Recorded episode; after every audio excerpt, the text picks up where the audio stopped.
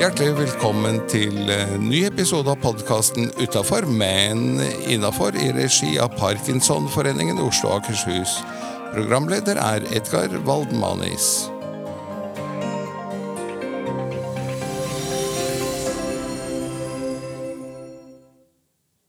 Riktig god morgen, eller formiddag, eller hva det er blitt der hvor du sitter og lytter til podkasten.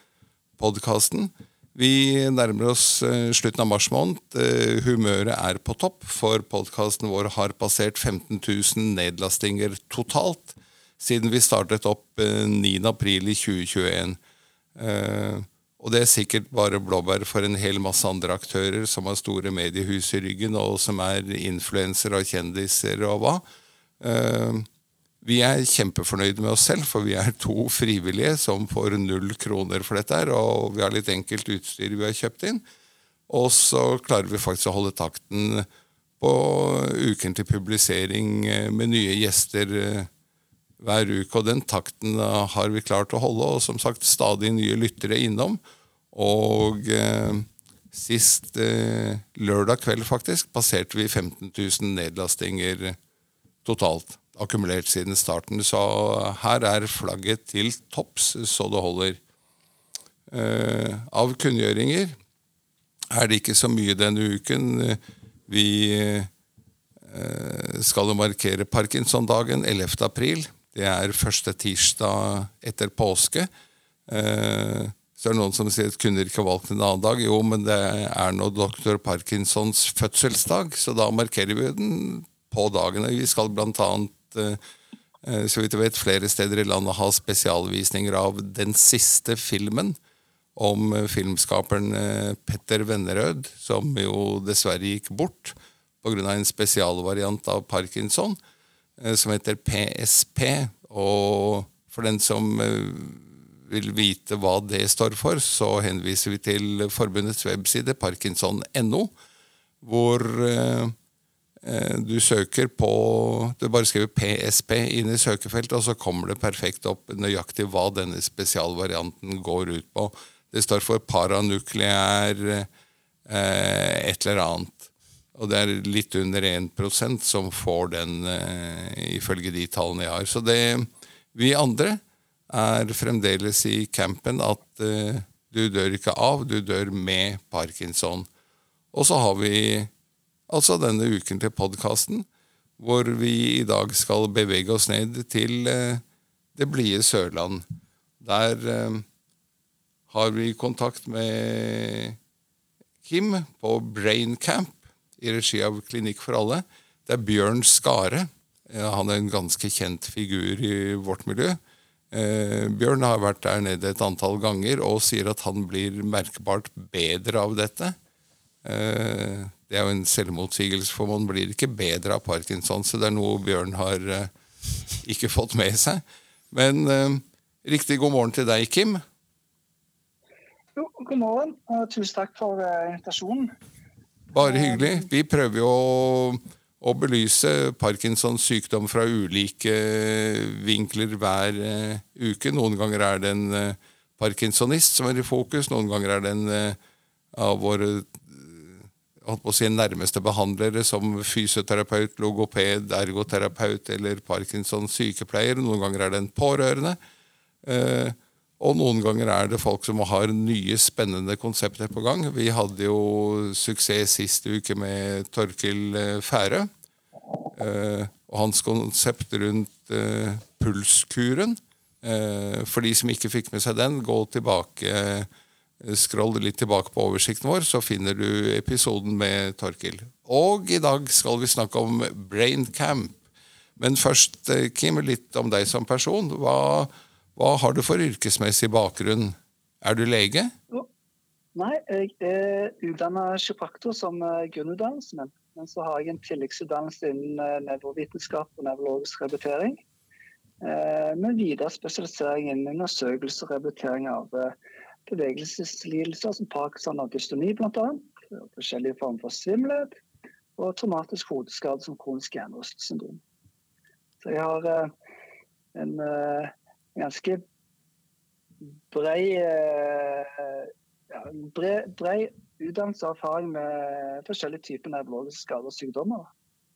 Ja. Um, litt videre om meg sjøl, så har jeg en uh, bakgrunn som landslagsturner. Noe som har gitt meg mange, både mange gode og mindre gode erfaringer. Da. som toppsettedører så blir en veldig disiplinert, og en blir sånn nerd til detaljer. Så kan du gjøre deg til en bedre utøver. Selv om en vinner en konkurranse, så ser en hele tiden at en må fortsette å jobbe hardt for å bli bedre og fortsette å vinne. da. Og dette her tror jeg har tatt med meg videre som kliniker. da. Fordi jeg hele tiden ser at en mangler til enhver tid kunnskap da, for å gjøre en enda bedre jobb. Og Det får en et sånn elsk og hat-forhold til. for det, eh, Når han så klart gjør en god jobb, så er det en eh, god, eh, god seier, en god følelse. Men når han ser at han står litt fast, så er det frustrerende. og Da må han jakte videre etter ny kunnskap for å, å klare å forhåpentligvis hjelpe den pasienten med for en bedre hverdag. Ja. Familie? Ja, jeg har en, sam en samboer og forlover, og så har vi to små barn. Uh, eldste datteren vår heter Iben, hun er to år. Uh, hun kom faktisk uh, til verden den uka, første uken Bjørn var hos meg, så det er en litt morsom historie. Og så har vi lille Hedda, som kom for en måned siden. Oi, gratulerer. Tusen takk. Så vi nyter og sliter et herlig småbarnsliv. Så det, det, er veldig gøy. Ja. Men det er jo en travel hverdag. Det skal jeg ikke legge skjul på. Nei. Og så sa jeg det blide Sørland, eh, mer konkret? Ja, så her flytta jeg eh, for tre år siden. Eh, meg og min forlovede flytta hit fra Stavanger, hvor jeg er opprinnelig fra. Men så har eh, Eva, som er forloveden min, eh, hun er eh, oppvokst her i Kristiansand. Da. Så vi tenkte vi må fordele, fordele oss litt. For familien min har søsteren min og familien hennes i Stavanger. Og så tenkte vi ok, da må vi flytte sørover, sånn at eh, familien til Eva har oss her. da. Ja. Så. Og der jobber du for Klinikk for alle? Mm. Så da flytta jeg fra Klinikk for alle på Sola, så begynte jeg å jobbe her i, i Kristiansand. Og Hvor mange er dere på Klinikk for alle i Kristiansand? Her er vi nå er vi åtte stykk. Ja. Så vi har um, Det er meg, og så har jeg to uh, klinikkassistenter som jobber sammen med meg på Braincamp. Og så har vi tre andre kiropraktorer som jobber med tradisjonell fysikalsk behandling. Og så har vi to naprapater som også jobber med tradisjonell fysikalsk behandling som ledd- og muskelplager. Ja. Så det er en, en god kombinasjon av, av behandlere. Ja. Men uh, hvis vi ser bort fra dette, hva skulle du blitt hvis du skulle valgt noe helt annet? Det er litt vanskelig å si sånn som situasjonen er. for Jeg har drømt om å bli kiropraktor siden jeg var 14 år gammel. Okay. Det har nok litt sammenheng med idrettskarrieren. da, at Jeg fikk mye skader og skavanker. og så uh, når jeg endte opp som kiropraktor, så klarte jeg å returnere til, til trening da, etter tre-fire behandlinger. Så fant jeg fort ut at dette her var noe som eh, jeg ble nysgjerrig for og falt, falt uh, i smak. da. Ja. Men, Så da er det kiropraktor eller kiropraktor? Kiropraktor. Eller kiropraktor. Ja. Men det er jo bra også. Det er jo, en, det er jo fint at folk trives med det de gjør, syns jeg. Ja. Vi bare har denne innom som et testspørsmål, for det er en del som også er der ute og sier at jeg skulle jo egentlig gjort noe helt annet, jeg, og så ble det noe her jeg ble. Men du sier at uh, dette er helt glimrende, for det var akkurat uh, nøyaktig det du ville. Men hva er det bare et fåtall vet om deg? En type fun fact? Uh, fun fact og fun fact Det er veldig få vet om meg, det er at jeg har, selv har bevegelsessykdom. da, som uh, dystoni. Oi. Og uh, selv avhengig av å gjøre nevrologisk rehabilitering for å fungere tilsvarende normalt. da. Men jeg har, jeg har måttet tilpasse både livsstil og gjøre litt prioriteringer for at både uh, kropp og hode skal fungere optimalt. Så det, eh, det er nok en konsekvens av at jeg har hatt mye eh, knall og fall som turner. Da. Mye, sikkert flere hjernerystelser. Oi. Så jeg kjenner til dette med på en måte føle seg litt sånn innblåst i sin egen kropp. da. Ja.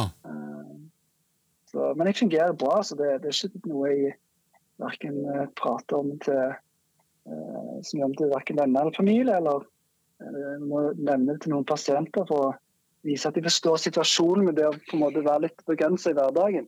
Ja. Det, det, er både en, eh, en, god ting og en uting å ha med seg som behandler.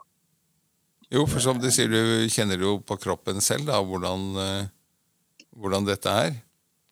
Ja, altså det, det, blir liksom ikke bare ord i en uh, lærebok, men en, en har en, en, personlig erfaring og følelse med det. Så det, det gjør at vi gjerne får en, en annen type respekt og forståelse for det.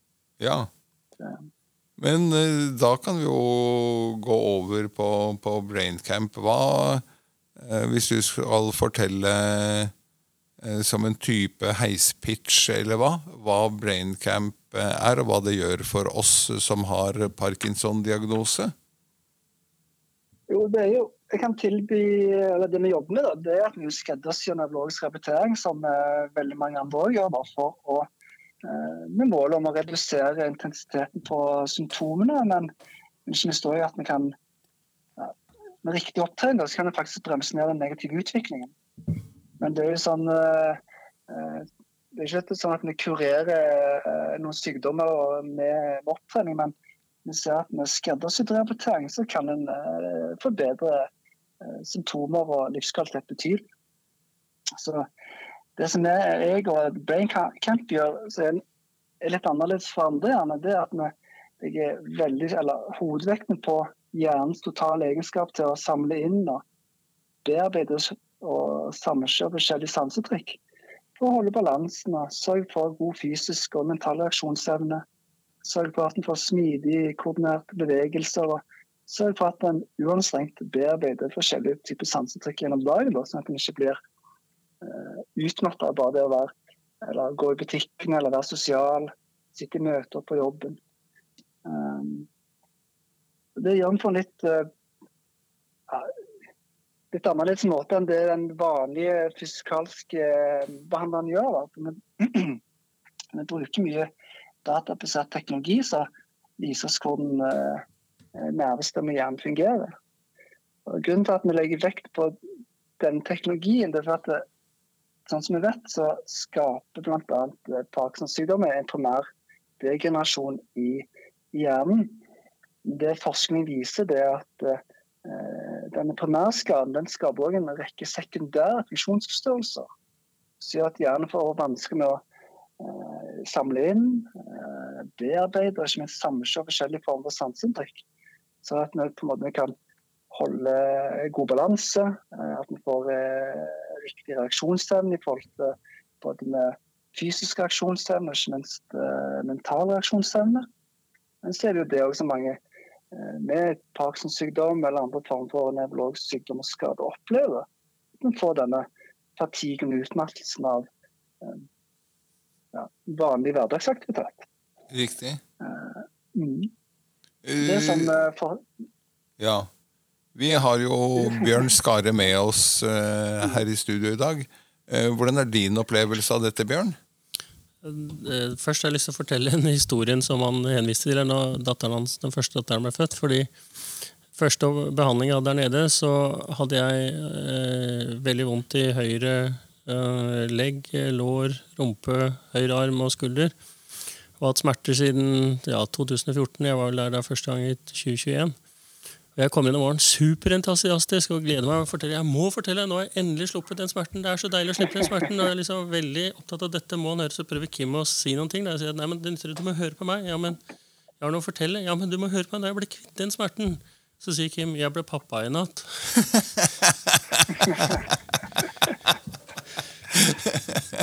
Så ting har litt perspektiv, men så, for meg var det så deilig å bli kvitt den smerten at liksom, uansett hva Kim hadde fortalt, da, ja. da tenkte jeg ikke på at han skulle bli pappa. da. Så jeg måtte gi meg på det. Nei, så... men, men, din opplevelse av hva var det for behandling som gjorde at du ble kvitt smerten, Bjørn? Altså, det, er, det, er, som Kim sier, altså, det, det, han har, han, en analytisk tilnærming til, den, eh, til hver enkelt pasient. og Så kjører han si, tester som han digitaliserer svarene på, slik at du ser nytteeffekt. Og så får du et uh, spesielt tilpasset program som er til hver enkelt pasient. Og Jeg hadde egentlig to ting. Dette med smerten og det med at øynene mine rister. slik at det er veldig fatigue på slutten av, av dagen. Og han har klart da ved øyetrening, altså øynene er også muskler, som Magne Helland også snakker mye om Eh, så både det å si, øyetrening og fysisk trening som er spesifikt til den nevrologiske situasjonen jeg har, gjør at jeg har blitt kvitt den smerten og jeg har blitt kvitt den fatiguen. Så jeg er mye mindre sliten nå enn jeg var tidligere. Og det ser du på de testene han kjører. Kan jeg fysisk se selv at øynene rister mye mindre. Men hvordan kan øynene riste? Ja, så De vibrerer. og det er det er Kim er flinkere til å forklare det enn meg, men altså det han har forklart, er at øynene eh, de, Akkurat som hånda mi rister eller beinet mitt rister, så rister øynene også pga. muskulært. Uh, og da blir, uh, der kan tenke deg et mobilkamera som står og rister hele tiden. Ja. Da blir hjernen sliten av å korrigere for det. Derfor blir jeg sliten på slutten av dagen. Men når jeg driver med den øyetreningen, så blir øynene, musklene sterkere, så da rister jeg mindre. Og effekten er at jeg er mye mindre fatigue, altså mye mindre sliten på ettermiddagene. Og det er deilig å slippe å være sliten hver ettermiddag. Så jeg kan ikke forklare hvorfor det virker, men jeg kan bekrefte at det virker, i hvert fall for meg. Ja. Eh, tilbake til deg, Kim. Er dere de eneste i landet som gjør dette? her? For jeg hadde faktisk ikke hørt om, eh, om metodikken før Bjørn eh, kom og fortalte det her for et par år siden. Nei, Vi er en, eh, en, liten gruppe med kiropraktorer som har tatt denne tilleggsutdannelsen. Eh, men er enda færre som uh, jobber veldig rent og spesifikt mot nevrologiske skader. Pga. at vi er avhengig av å bruke mye dyrt og avansert utstyr. Så vi et lite fåtall som har tatt disse investeringene og kjøpt inn bl.a. Utstyr til å måle balansen og dette utstyret som måler analyserer øyebevegelser. Når du sier det, lite antall, hva er det er så ymse hva man kaller lite, ja. liksom? Med, med, nå er vi vel eh, tre-fire stykk som har eh, jobber fulltid med nevrologiske skader. Vi har flere som har eh, deler av den tilleggsutdannelsen, og så eh, jobber de gjerne 50-50 eller har eh, litt eh, pasienter med nevrologiske skader og sykdommer. Så er det dominerende muskel- og leddplager. Det, men er forhåpentligvis en voksende gruppe. Det, man ja. ser at det har en, en, en, god effekt. og Forskning begynner å eller jeg, jeg si at forskning begynner å backe opp. Det er vel at vi begynner å lene oss få mer og mer forskning fra, eh, som viser hva som fungerer bedre. Riktig. Det ser, ser ut til at uh, denne type tilnærming har uh, god effekt på ikke bare disse motoriske symptomer, men kan også være med å hjelpe forhold med fatigue og, og konsentrasjon. Det, det, det, som er fascinerende, er sånn disse øye, mm. han kjører en del tester uh, og en sånn øyeøvelser. Og du sitter og følger en prikk på en skjerm, og det ser helt banalt ut. Du tenker dette her er jo bare liksom, Er dette noe å bruke tid på? Så kjører vi en session på det på en 45 minutters tid. Så går jeg tilbake til hotellet, og så sovner jeg med en gang. Så det er liksom noe som virker så banalt og enkelt. Det har en utrolig stor effekt. Og så justerer en litt på hva, hva, oppgaven er, så plutselig så blir jeg mindre sliten.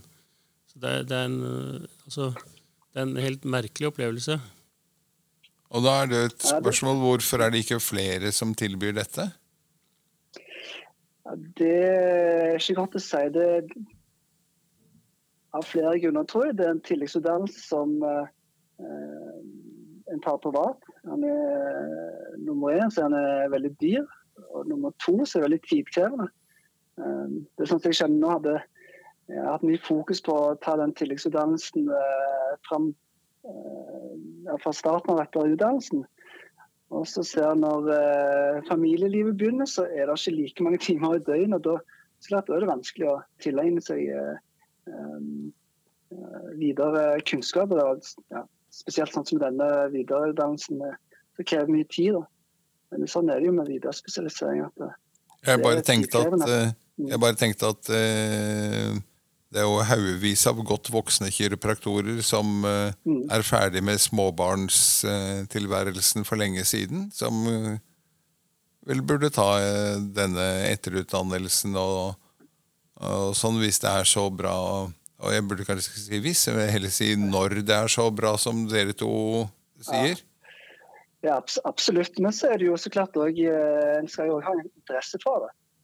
Noen har interesse for sånn som meg, med nevrologisk rehabilitering, mens andre har idrettsskader, og andre har litt mer generelle muskel- og leddplager. Så jeg kan liksom ikke det blir vanskelig for meg å si hvorfor vi ikke er flere enn det vi er.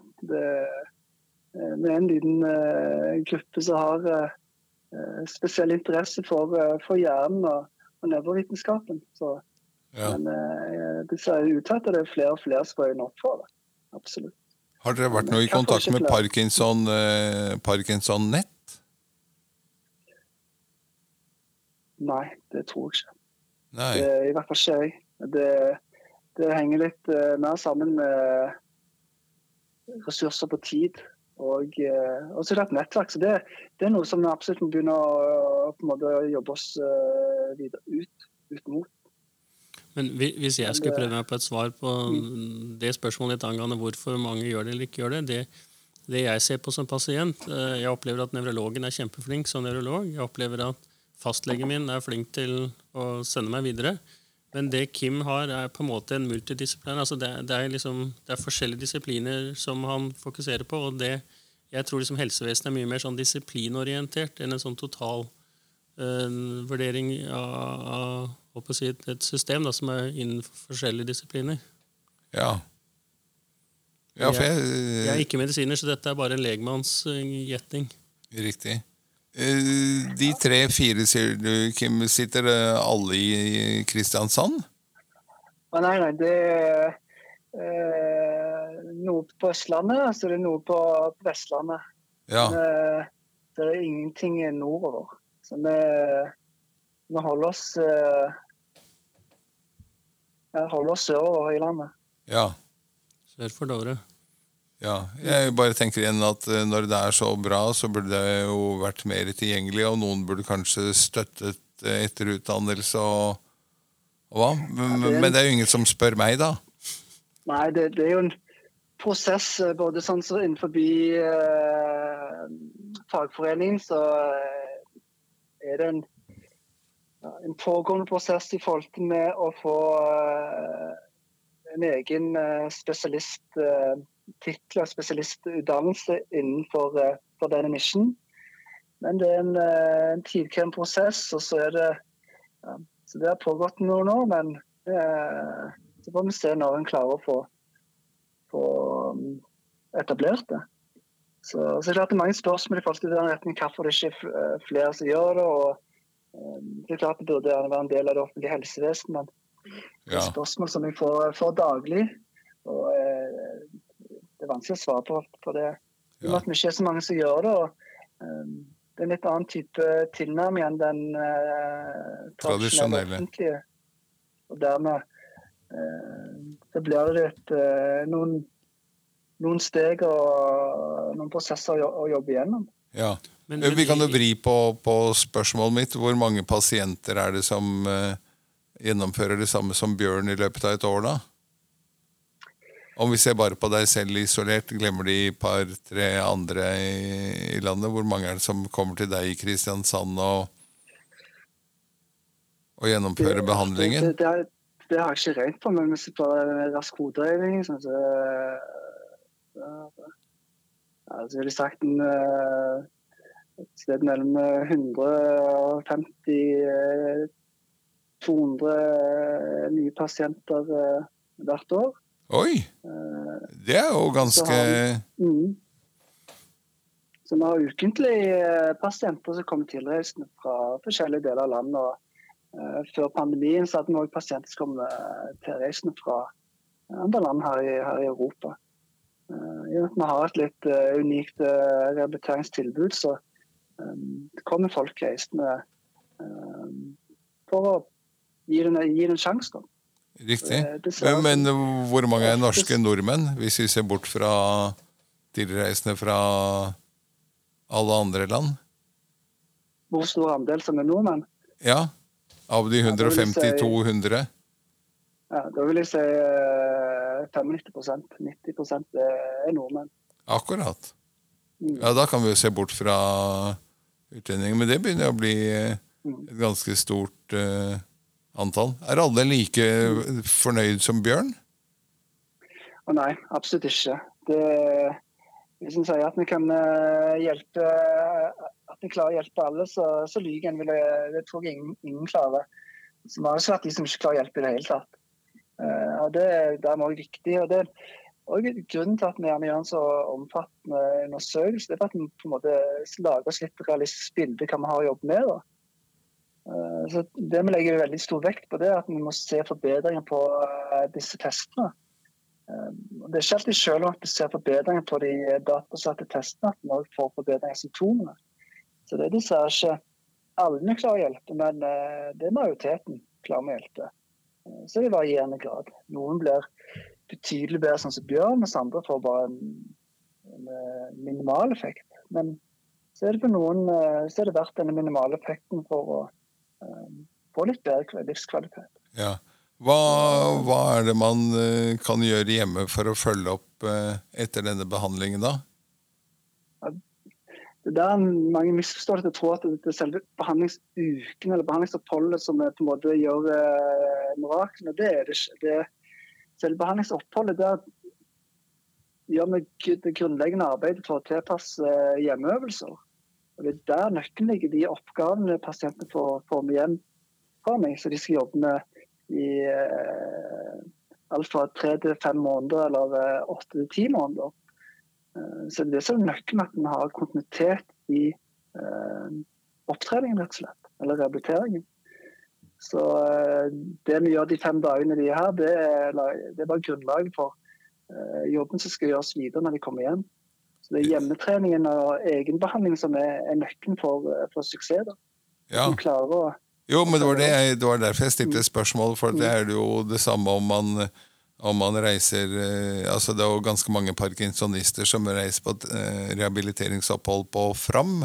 eh, I vår egen bakgård her Rykken i Bærum. Ringen er det mange som reiser til. Så er det en håndfull til Cato-senteret, til Beitostølen med mer. Og, og eh, jeg har jo selv truffet uh, mange som uh, sier at jo, det var bra å være der, men, uh, men så kom jeg hjem, og så skjedde jo ikke noe mer. Og så sier jeg, men hva gjorde du selv da du kom hjem, liksom? Fulgte du opp med noe? Nei. Og så tenkte jeg, nei, akkurat da klapper det sammen. Men, og det du sier, er at uh, hos deg så er det faktisk den store, store delen er, mm. er oppfølging og, og hjemmeøvelser. Mm. Så da lager vi en eh, siste dagen lager vi en eh, litt kortsiktig plan og en eh, mer langsiktig plan for uh, ja, mye Ikke mye, jeg vil si hovedproblemet med, med rehabilitering det er å rett og slett komme inn i rutine med ting. Ja, Vi prøver å legge opp en plan som har uh, på en måte en, en begynner litt sånn lavdosert av uh, to grunner. Nummer én det er jo at ofte ser vi at eh, hjernen ikke håndterer for mye opptrening på en gang, som gjør at en rett og slett får litt eh, negativ effekt av det. Og nummer to er jo det at en trenger gjerne alt fra én til to, to til tre uker for å på en måte komme i rutine på ting. En Ja. skal eh, på en måte rigge seg litt til, en skal ha en plass som gjør disse hjemmeøvelsene. Eh, Det bryter jo og forstyrrer litt i forhold til hverdagsrutinene. ja, Det jeg prøver å legge vekt på, det at en må legge disse, denne hjemme, hjemmetreningen til allerede eksisterende hverdagsrutiner. ja. Da blir det lettere. Altså, på en måte, det blir bare en del bak, av bakgrunnsstøyen i hverdagen. da. Vi gjør det før eller etter frokost og før eller etter middag. Og Da har en rutiner som uh, gjør hjemme. Uh, og så om vi spiser frokost, frokost klokken åtte om morgenen, eller om det blir klokka ti, så gjør en det bare før eller etter frokost. Ja. Og så gjør han det når, når han er hjemme. Eh, når han skal før eller etter en skal spise middag. Sant? Ikke, når man må bryte eh, hverdagsaktiviteten for at man skal, skal hjem og gjøre øvelser. Da blir det fort eh, det blir fort gjerne mer negativt preg at en må gjøre treningen istedenfor at okay, det blir bare en del av hverdagen. ja. Det er mye av nøkkelen for suksessen. Hvordan har du lykkes med dette, Bjørn? Å få dette vevet inn i hverdagen?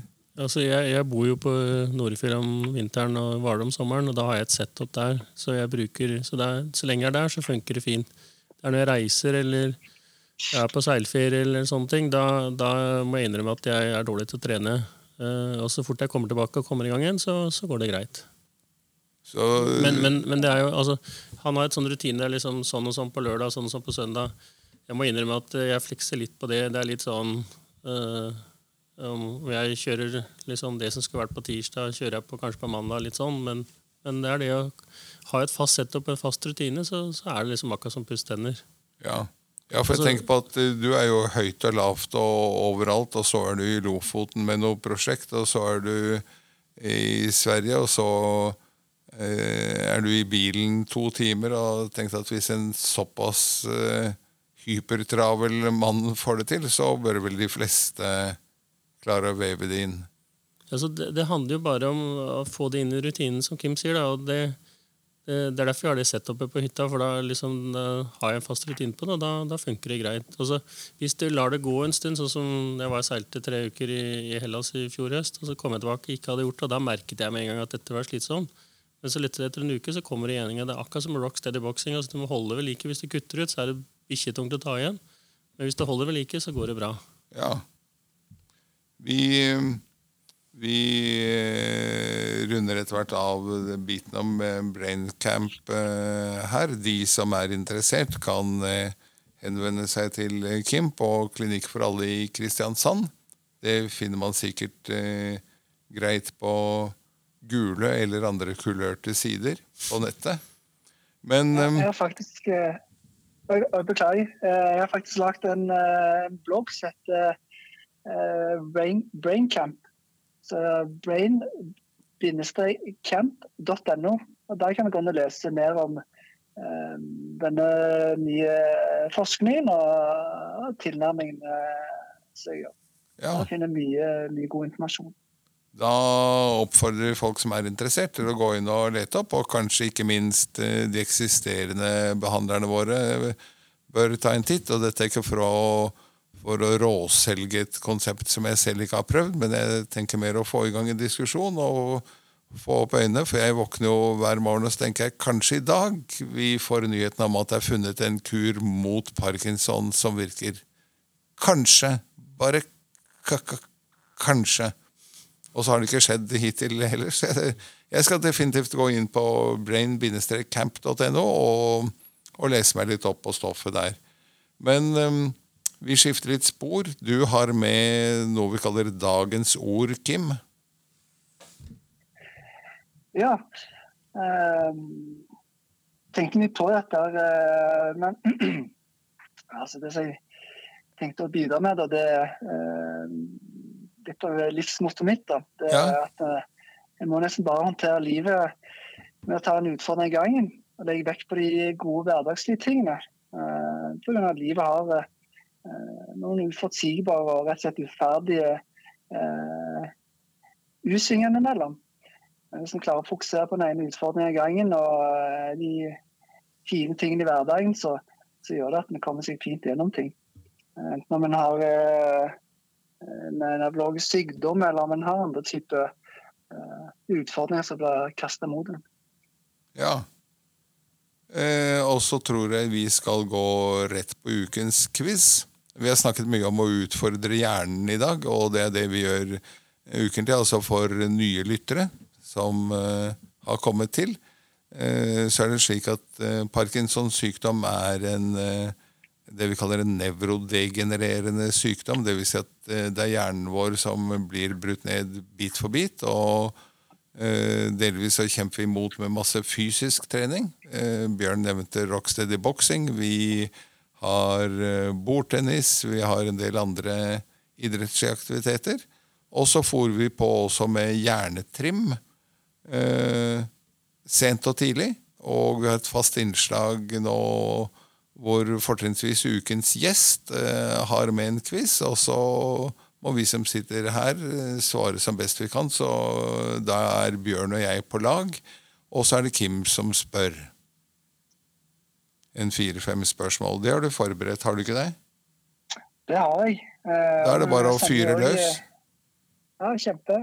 Eh, du sender jo òg linken til den forrige podkasten, så det var veldig spennende. Eh, så vi skal se hvordan hukommelse på de tingene der. Så om dere kan nevne to gode måter å redusere stress på. Hva sier Bjørn? To gode måter å redusere stress på? Ja, Det ene er å jobbe mindre. da blir jeg helt rød her i ansiktet. ikke sant? Det er jo min, min akilleshæl.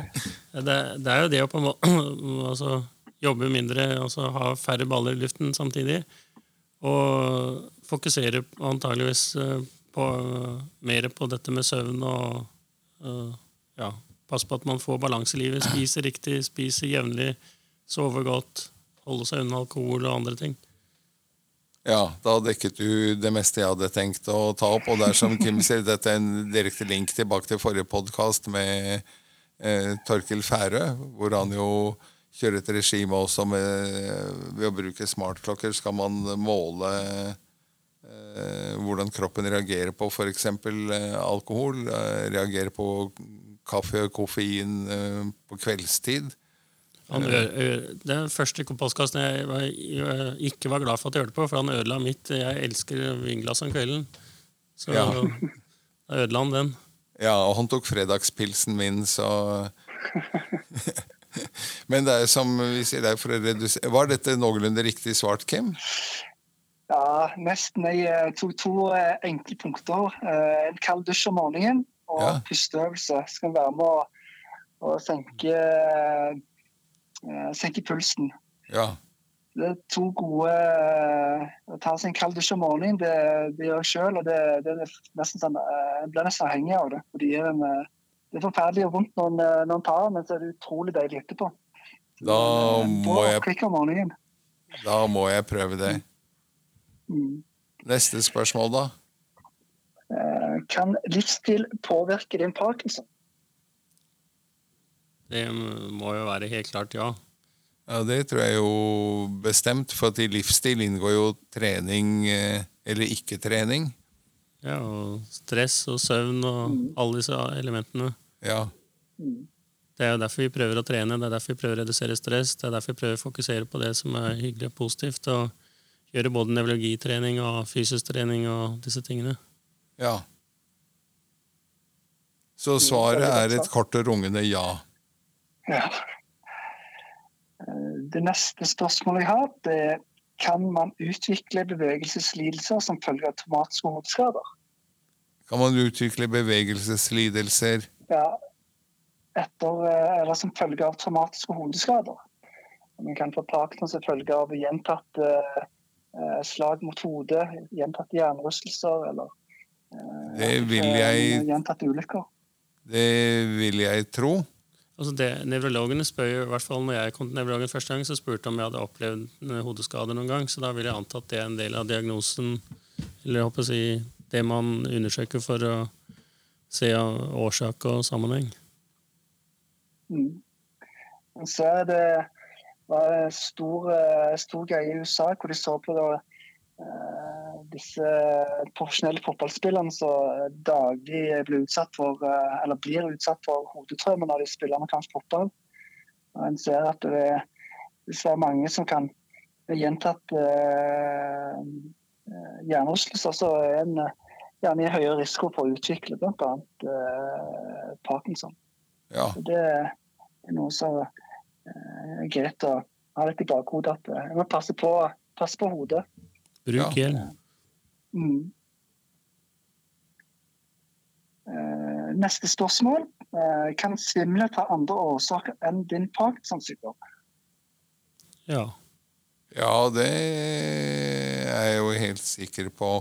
Uh, det er jo for så vidt tilbake på forrige spørsmål. Hvis man får gjentatte hodeskader, så jeg antar at det fort kan medføre svimmelhet både sent og, og tidlig skulle jeg tro. Mm.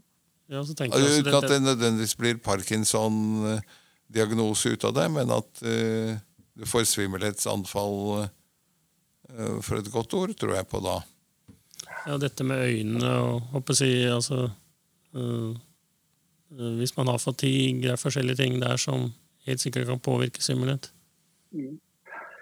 Det er ofte eh, Opplever gjerne med hos pasienter som allerede har en kronisk sykdom, det er at vi gjerne får litt for mye, den sykdom, primærsykdommen får litt for mye av skylda.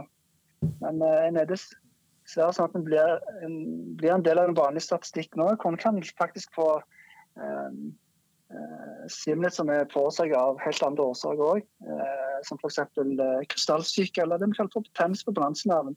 Mm. Så eh, jeg tror det er viktig på en måte å huske at eh, hvert fall for vår del som kliniker, da, det at eh, selv om en har en, en kronisk sykdom fra før, så må en gjerne ta et steg tilbake. og Så ok, her må vi ta en eh, ny vurdering og se om at det er et eh, urelatert problem, eller klart om det er et relatert problem til den eh, primære sykdommen eller skaden.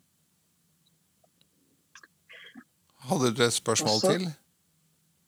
Nei, så har jeg det siste spørsmålet, om dere husker navnet på bloggen min. Brain-camp.no. Riktig. Jeg tenkte så prøve å lure den inn. for å se om dere fulgte Litt med. eh, shameless self-promotion der. ja. Men det får vi ta med når det er eh, til en eh, god sak. Ja, det, det er en helt ny blogg, så derfor det er jeg okay, nå må jeg prøve å få reklamert så godt jeg kan for den. Så men jeg tenkte nå er det en gyllen mulighet. Og da har vi en eh, post som heter Fem kjappe. Og der skal man svare i motsetning til quizen, hvor vi oppfordrer folk til å tygge og tenke og vurdere frem og tilbake. Så eh, er Fem kjappe en hvor vi bare klipper til. Og da har jeg noen eh, eh, Det er vel ca. fem kjappe til dere begge. Og den første er eh, sjø eller fjell. Sjø. Fjell. Det var én av hver. Eh, Øl eller vin? Vin. Vin. Der var vi eh, like. Sjokolade eller kake? Sjokolade. Er sjokolade. Jeg vinner VM i norsk mesterskap i sjokoladespising. Jeg er redd for at det kommer inn under det som Torkel Fårø Færø unnskyld, eh, også frarådet her. Er derfor jeg prøver å glemme den podkasten. Ja. Langrenn eller alpint? Alpint. Alpint. Det var to eh, like igjen. Eh, bensin eller elbil? Elbil. Elbil. Ja, det var vel eh, fem eh, kjappe, det da. Da begynner vi å nærme oss eh, slutten på dagens eh, episode. Eh, vi har alltid et utgangsspørsmål til eh, ukens gjest. Og eh, i dag tenkte jeg at siden vi har vært mye innom kosthold, så skal vi ta den med 'Hvem vil du invitere til middag, Kim?' Og hvor? Og du står helt fritt i tid og rom. Eh, det må jeg vel få lov til å si, ut ifra situasjonen jeg er i nå, så må jeg vel få si det er min samboer forlovet, sånn at vi, får, vi hadde fått oss en uh, finere middag på eh, restaurant alene. Eh, men sånn situasjonen nå, så blir vel det en liten, en liten stund til når vi har småbarn som eh, ikke er helt klar for barnevakt ennå. Nei. Så Men hvor skulle det være? Her i byen så må det ville blitt på Du står helt fritt eh, der også, i tid, i tid og rom. Helt fritt. Da tror jeg jeg kunne tenkt på det. Jeg har ikke vært på Noma. Noma kunne jeg tenkt meg å prøve. Ja. Med din forlovede. Det, det Det høres ut som en uh, helaften. Håper du hører det, så blir jeg glad. Du må sende henne linken. Ja. ja. Helt til slutt kransekakevitsen, som i dag leveres av Bjørn Skare. Ja, dette her, det å komme etter Serelin og prøve å komme med vits som er i samme, samme kategori som det, det er krevende, så dette har jeg jobbet hardt for. Så vitsen er da som følger. Hva sa den ene ledningen til den andre? For en spennende dag.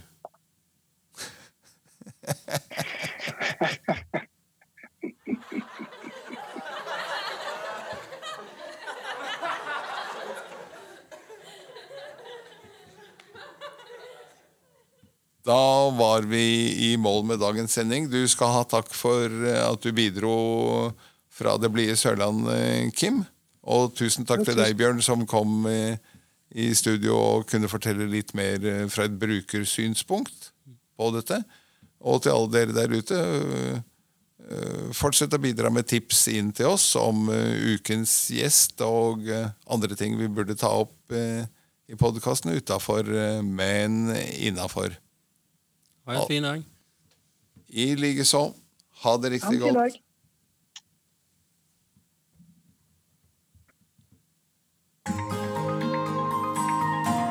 Det var alt i ukens episode av podkasten Utafor, men innafor, levert av Parkinsonforeningen i Oslo og Akershus. Og programleder var Edgar Waldmanis.